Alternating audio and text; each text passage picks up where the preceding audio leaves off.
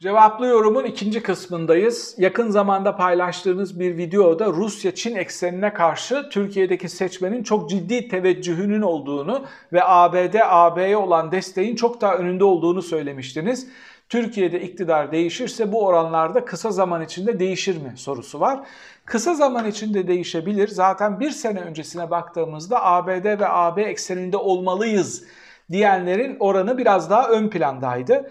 Ama radikal bir şekilde değişir mi? Radikal bir şekilde değişmesi için toplumun da değişmesi gerekiyor ve evrensel değerlere, demokrasiye, çoğulcu, katılımcı sistemlere özeniyor olmamız gerekiyor. Türkiye'deki muhafazakarlar demokrasiye küfür rejimi ya da İslamcılar demokrasiye küfür rejimi olarak bakarken işte Marksistler, sosyalistler de çok da sempatik bakmıyorlar. Yani serbest piyasa ekonomisiyle kol kola geçen bir e, demokratik rejime. Türkiye en fazla kusurlu demokrasi inşa edebilir demiştiniz ama işte demokrasi endekslerine baktığımızda Belçika'nın 36. sırada, Yunanistan'ın 37. sırada, Fransa'nın 24, ABD'nin 25. sırada olduğunu görüyoruz. Biraz bunların üstünden yorum yapın bakalım. Yani öyle kolay mı kafaya oynamak diyorlar demokrasi liginde. Şimdi şöyle bir şey, bu sıralamadaki rakamlara bakarsak yanılırız. Neden yanılırız? Küçük devletler, Lüksemburg gibi, nüfusu küçük devletler, Norveç gibi, Danimarka gibi, İsviçre gibi tam teşekküllü bir demokrasiyi çok daha rahat e, ikame edebiliyorlar. Değil mi? Ama şuna bakmak lazım. Birinci ile 30. arasındaki puan farkı ne kadar? Kopmalar ondan sonra oluyor zaten. Yani dünyada tam teşekküllü bir demokrasiyle yönetebilen ülkelerin sayısı zaten işte 30'u geçmiyor. 30 küsürlerde duruyor. O kadar az ki başarılı demokrasi modeli. Kopmalar ondan sonra başlıyor. Yani birincilik takımıyla üçüncülük takımının arasında ne kadar fark varsa işte o devletler arasındaki fark da o kadar. Sıralamaya koyduğun zaman diyelim ki işte şampiyonluğa oynayan Trabzonspor'la amatör kümede oynayan ya da üçüncü ligde oynayan bir takımın sıralamaya koyduğumu biri 40. biri 1. sırada. Ama aradaki fark, kopmalar çok çok büyük, puan farkları çok büyük. Buna bu şekilde bakmamız gerekiyor. Yani demokratik olmayan ülkelerin, demokrasiyi ikame edememiş ülkelerin aldıkları puanlar da zaten çok fazla önemli olmuyor. Bir demokrasi ya var ya yok. Olanlar arasında bir sıralama yapıyoruz mecburen. İslamcılar neden bir blok halinde sağ kesimdeler diyor. Çok güzel ve felsefik bir soru. Zaten felsefik soruları ikinci videoya bıraktım. Çok güzel sorular var burada. Aktualitenin dışında. Neden? Ecevit bunu gördüğü için işte ne dedi? Anadolu sol dedi. Yani dinle biraz daha barışık, dinin varlığını tamamen reddetmeyen, onlarla köprü kurmaya çalışan, şimdi benzer şeyi Kemal Kılıçdaroğlu yapmaya çalışıyor. Değil mi? Helalleşeceğiz diyor, sarılacağız, kucaklaşacağız. Dinde bile bazı şeyler işte örnekler veriyor kul hakkından şuradan buradan.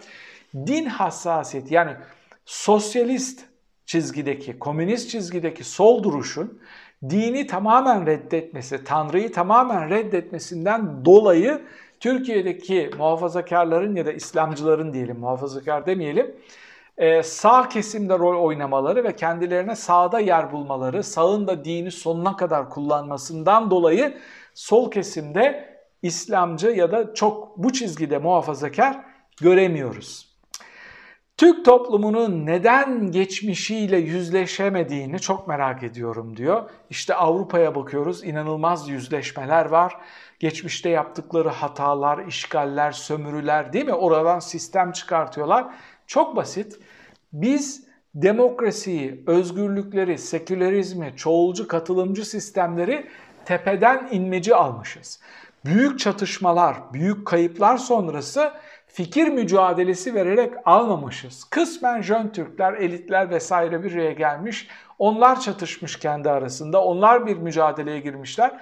Aşağıdaki halkın olup bitenden haberi bile yok. Değil mi? Fransız devrimine bakın. Magna Carta'ya bakın. Kırılmalar nerelerde vuku bulmuş. Bir de çekilen acılar ne kadar derinse sistemlerin, elitlerin ve devletlerin çıkış programları o kadar yüksek oluyor. İkinci Dünya Savaşı gibi müthiş bir dram var.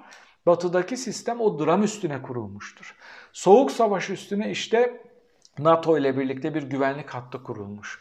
Komünizmin çökmesinden sonra değil mi işte küreselcilik diye bir sistem kurulmuş. Türkiye'de halkın talep ettiği, mücadelesini verdiği, büyük acılar çekerek yüzleştiği, bedeller ödediği süreçler olmadığı için ya da bu acıları entelektüel kazanımlarla ortak noktada buluşabilen bir yere taşıyamadığı için bunları yaşıyor. Bir de buna benim üstüne üstlük eklediğim bir şey var. İnanılmaz bir egosantrik milletiz. Yani egomuz çok çok yüksek. Bakıyorsun IQ seviyemize, bakıyorsun işte kitap okuma oranımıza, gazete okuma oranımıza, üniversite okuma ki üniversitelerin hali de ortada. Önce e, iyilerini bir tarafa koyuyorum, onları eleştirmek istemiyorum. Hala Türkiye'de çok iyi akademisyenler var ama sayıları çok az.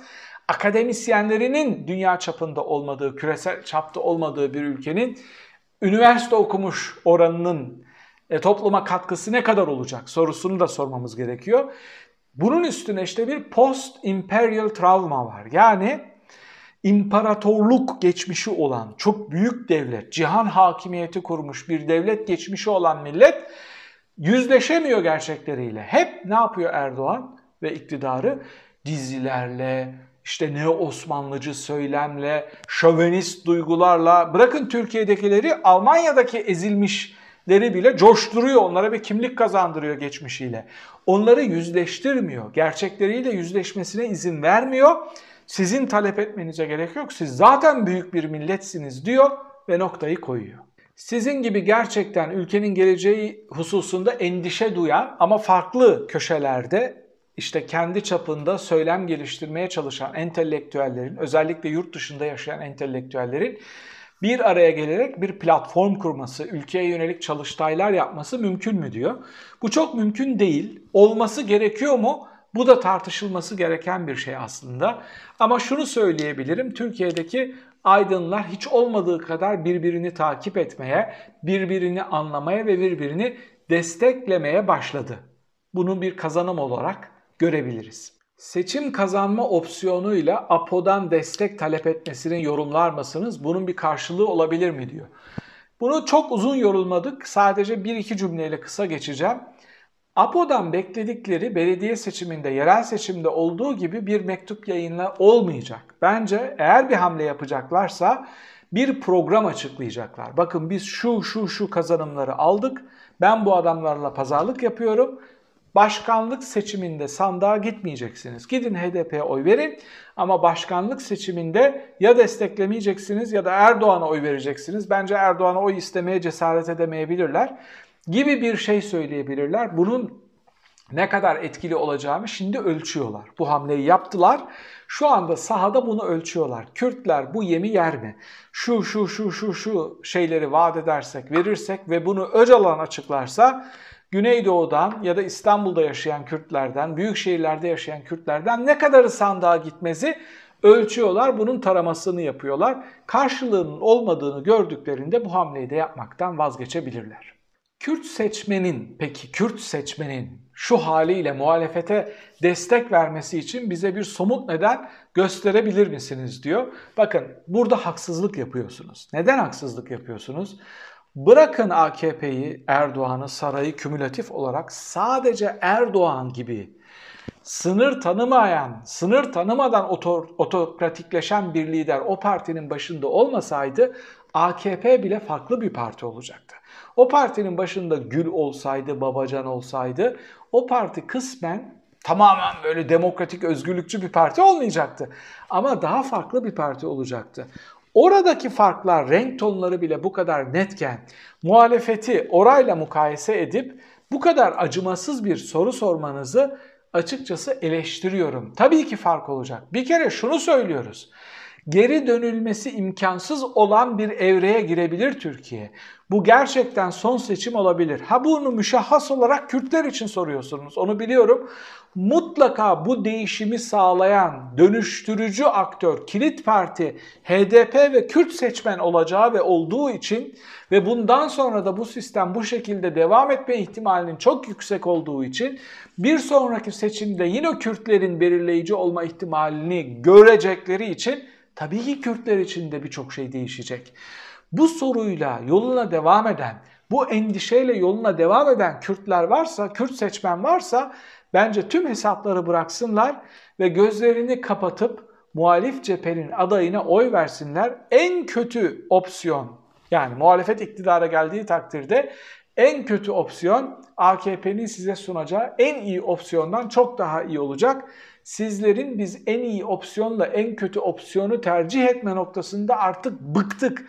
İnsan gibi yaşıyoruz noktasına geldiğinizi bildiğim ve bu motivasyonla bu soruyu sorduğunuzu tahmin ettiğim için söylüyorum. Evet ama çıkış yine bu cepheden olacak. Öcalan'ı serbest bırakacak kadar ileriye gidebilirler mi diyor ve MHP Bahçeli buna izin verir mi? Bu kadar ileriye gidilemeyeceğini ama Öcalan'ın şartlarında ılımlı olumlu bazı hamleler yapacaklarını, ona şahsi vaatlerde bulunacaklarını düşünüyorum. Bahçeli'nin de bu konunun üstüne çok fazla gitmeyeceği kanaatindeyim. HDP konusunda İyi Parti ve CHP daha şimdiden sorun yaşarken iktidara geldiklerinde çok daha büyük sorunlar yaşayacağını düşünmüyor musunuz diyor. Düşünüyorum.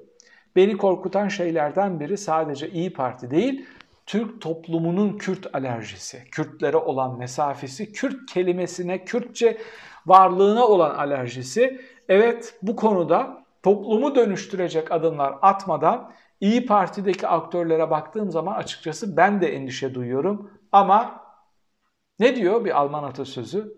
Deneyen yanılabilir, denemeyen yanılmıştır mevcut şartlar devam ederse zaten yanılmışız. Bu sistemin devam etme şansı kimseye kar sağlamayacak. Diğerini deneyeceğiz ve medyayla, entelektüellerle sürecin daha demokratik bir şekilde vuku bulması ve devam etmesi için şansımızı sonuna kadar deneyeceğiz. Dış politikayla alakalı güzel sorular var. Rusya, Ukrayna meselesini kullanarak işte Avrupa Birliği üstünde ve Batı üstünde bir baskı mı oluşturmak istiyor? Bu krizi onun için mi çıkartıyor? Evet, onun için çıkartıyor. Yani Rusya fethedelim, toprakları büyütelim değil, benim etrafımda NATO'nun genişleme alanını durdurmam gerekiyor. Şu anda da en zayıf noktaları. Neden? İktisadi olarak Batı cephesinde inişe geçildi. Pandemiden dolayı enflasyonda kısmi artış var. Enerji fiyatları patlamış durumda. Herkes şunu çok iyi biliyor. Ener bu öyle bir çatışma çıkarsa enerji fiyatları tekrar ayyuka çıkacak ve batılı hiçbir devlet bunu istemiyor. Onlar da savaşı destekleyecek ve büyütecek değil de başta Almanya olmak üzere ben bedel ödersem Rusya'ya da bedel, bedel ödeteceğim ve iktisadi olarak sana çok acı bir fatura çıkartacağım tehdidinde bulunuyorlar. ABD ve AB dış politikalarını gözden geçirdiğinizde Türkiye'de seçim vuku bulduğunda Erdoğan'dan desteğini çeker mi diye bir soru gelmiş. Şimdi bakın komplolar üstünden nasıl İmamoğlu Batı'nın adamı değil, proje adamı değil dediysem burada da komplolar üstünden gitmememeniz gerekiyor. Yani Erdoğan ABD ve AB onu desteklediği için iktidarda değil ki desteklemiyorlar. Mecbur kaldıkları kadar elindeki kartları oynuyorlar. Kendi çıkarlarını dengeli bir şekilde tutmaya çalışıyorlar.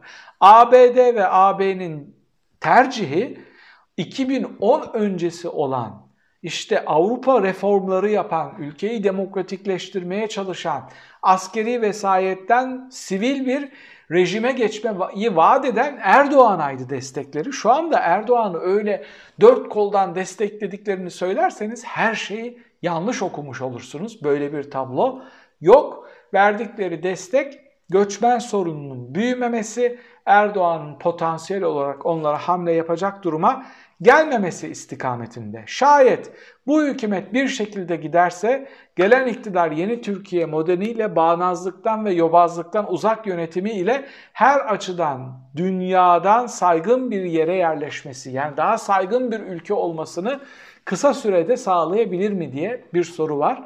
Evet kısa sürede sağlayabilir.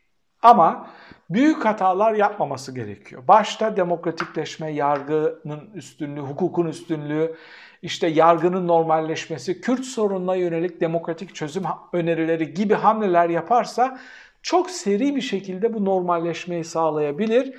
Beni heyecanlandıran, kafamda oluşturduğum bazı senaryolar var. Yani Türkiye'de muhalefet iktidara gelirse gerçekten çok seri bir şekilde Türkiye normalleşir. İktisadı, ekonomisi, finansı düzelir. Dünyayla çok seri bir şekilde entegre olabilir. Ama aktörler çok önemli. Yani bir Dışişleri Bakanı, bir Ekonomi Bakanı, bir Finans Bakanı, hatta bir Kültür ve Turizm Bakanı Türkiye'nin dışarıya bakan vizyonunu böyle aşırı milliyetçi, şövenist bir söylem ve dil üstünden değil de daha dünyayla kucaklaşan, ötekini, batıyı düşman olarak görmeyen, onlarla birlikte bir masaya oturan, onlardan para istemeyen, ben göçmenlerden dolayı, Suriyelilerden dolayı sizden para istemiyorum. Proje yapacağız. Bu sorunları nasıl çözeceğiz? Sen bana ne kadar yatırım yapacaksın? Ben ne kadar istihdam sağlayacağım? Gibi net bir dille, akademik, bilimsel ve e, somut bir dille konuşan, somut projeler üreten bir iktidar Batı'yı tutup sallayıp masaya çekip onurlu bir aktör olarak çözüm projeleri sunabilir. KHK'larla alakalı bir soru var. Yani yurt dışındaki akademisyenlerin, gazetecilerin konuşması bizim için ne kadar faydalı, ne kadar zararlı oluyor diye. Şimdi çok fazla kritik bakmamak gerekiyor. Bu sorun dillendirilmesi gerekiyor. Bu sorun hakkında bazı projelerin yapılması gerekiyor. Zira bu sadece bireysel hakların gaspı değil, sosyal bir yaraya dönüşmüş durumda. Türkiye'de devletle küsmüş, devlete bu kadar uzun yıl mesafe hizmet ettikten sonra tek bir suçu bile olmayan insanların haklarının yenildiğini gören çocuklar, onların çocukları, onların torunları devlete küs olarak yetişiyorlar. Bir kere bunu kaldırmamız gerekiyor. Bu sosyal yarayı tedavi etmemiz gerekiyor. Evrensel hukukun diliyle KHK'lıların haklarını savunmaya bütün aktörlerin devam etmesi gerekiyor. Efendim bir sonraki videoda tekrar birlikte olmak üzere. Hoşçakalın.